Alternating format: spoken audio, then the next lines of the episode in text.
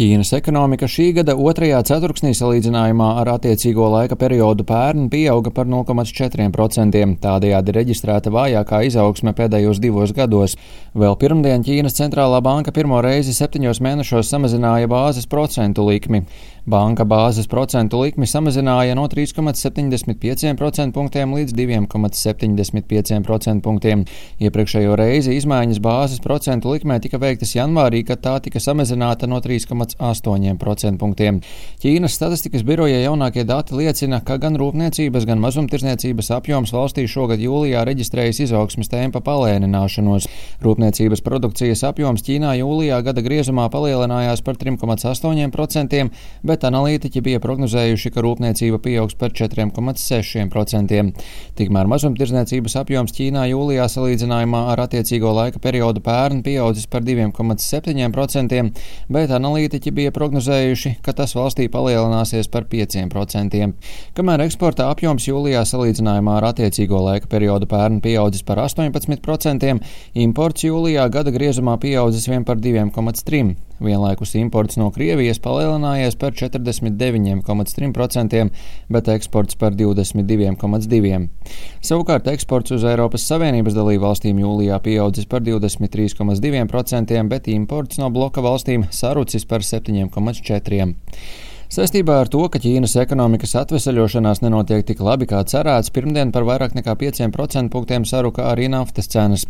Ķīnas Nacionālais statistikas birojas brīdināja, ka stagflācijas risks pasaules ekonomikā pieaug, un pamats iekšzemes ekonomikas atvesaļošanai vēl nav stabils.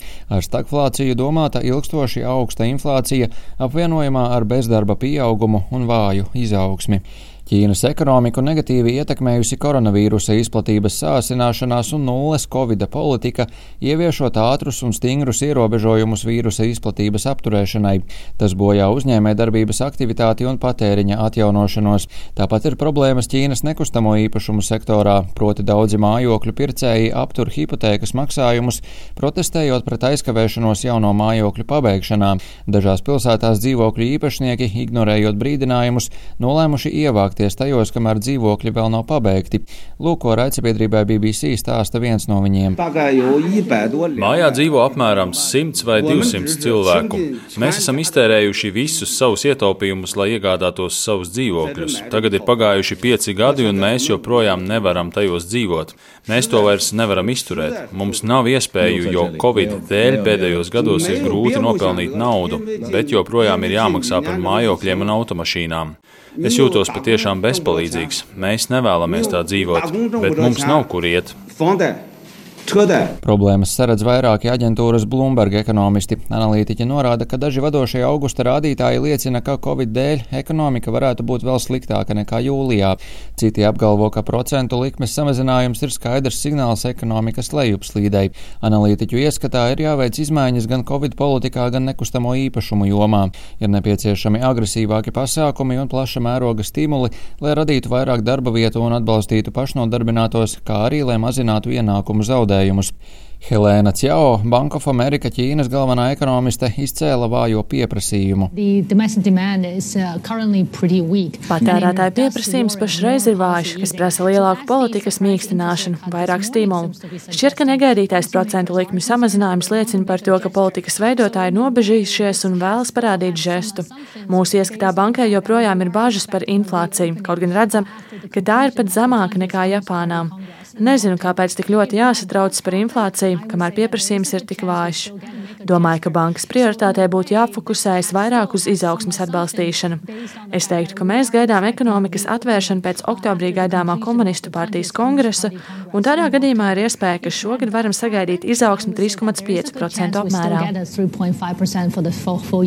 Nedēļas Ķīnā, protams, atstāja ietekmi arī uz globālo ekonomiku.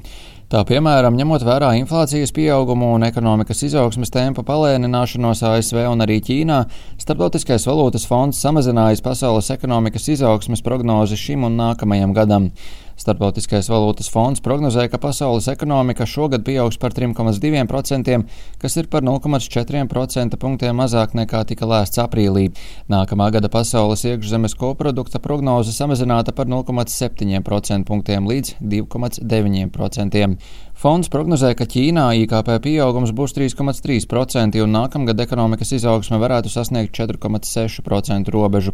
Salīdzinot ar aprīlī publicētajām prognozēm, tas ir attiecīgi par 1,1 un 0,5% punktiem mazāk. Rihards Plūme, Latvijas radio.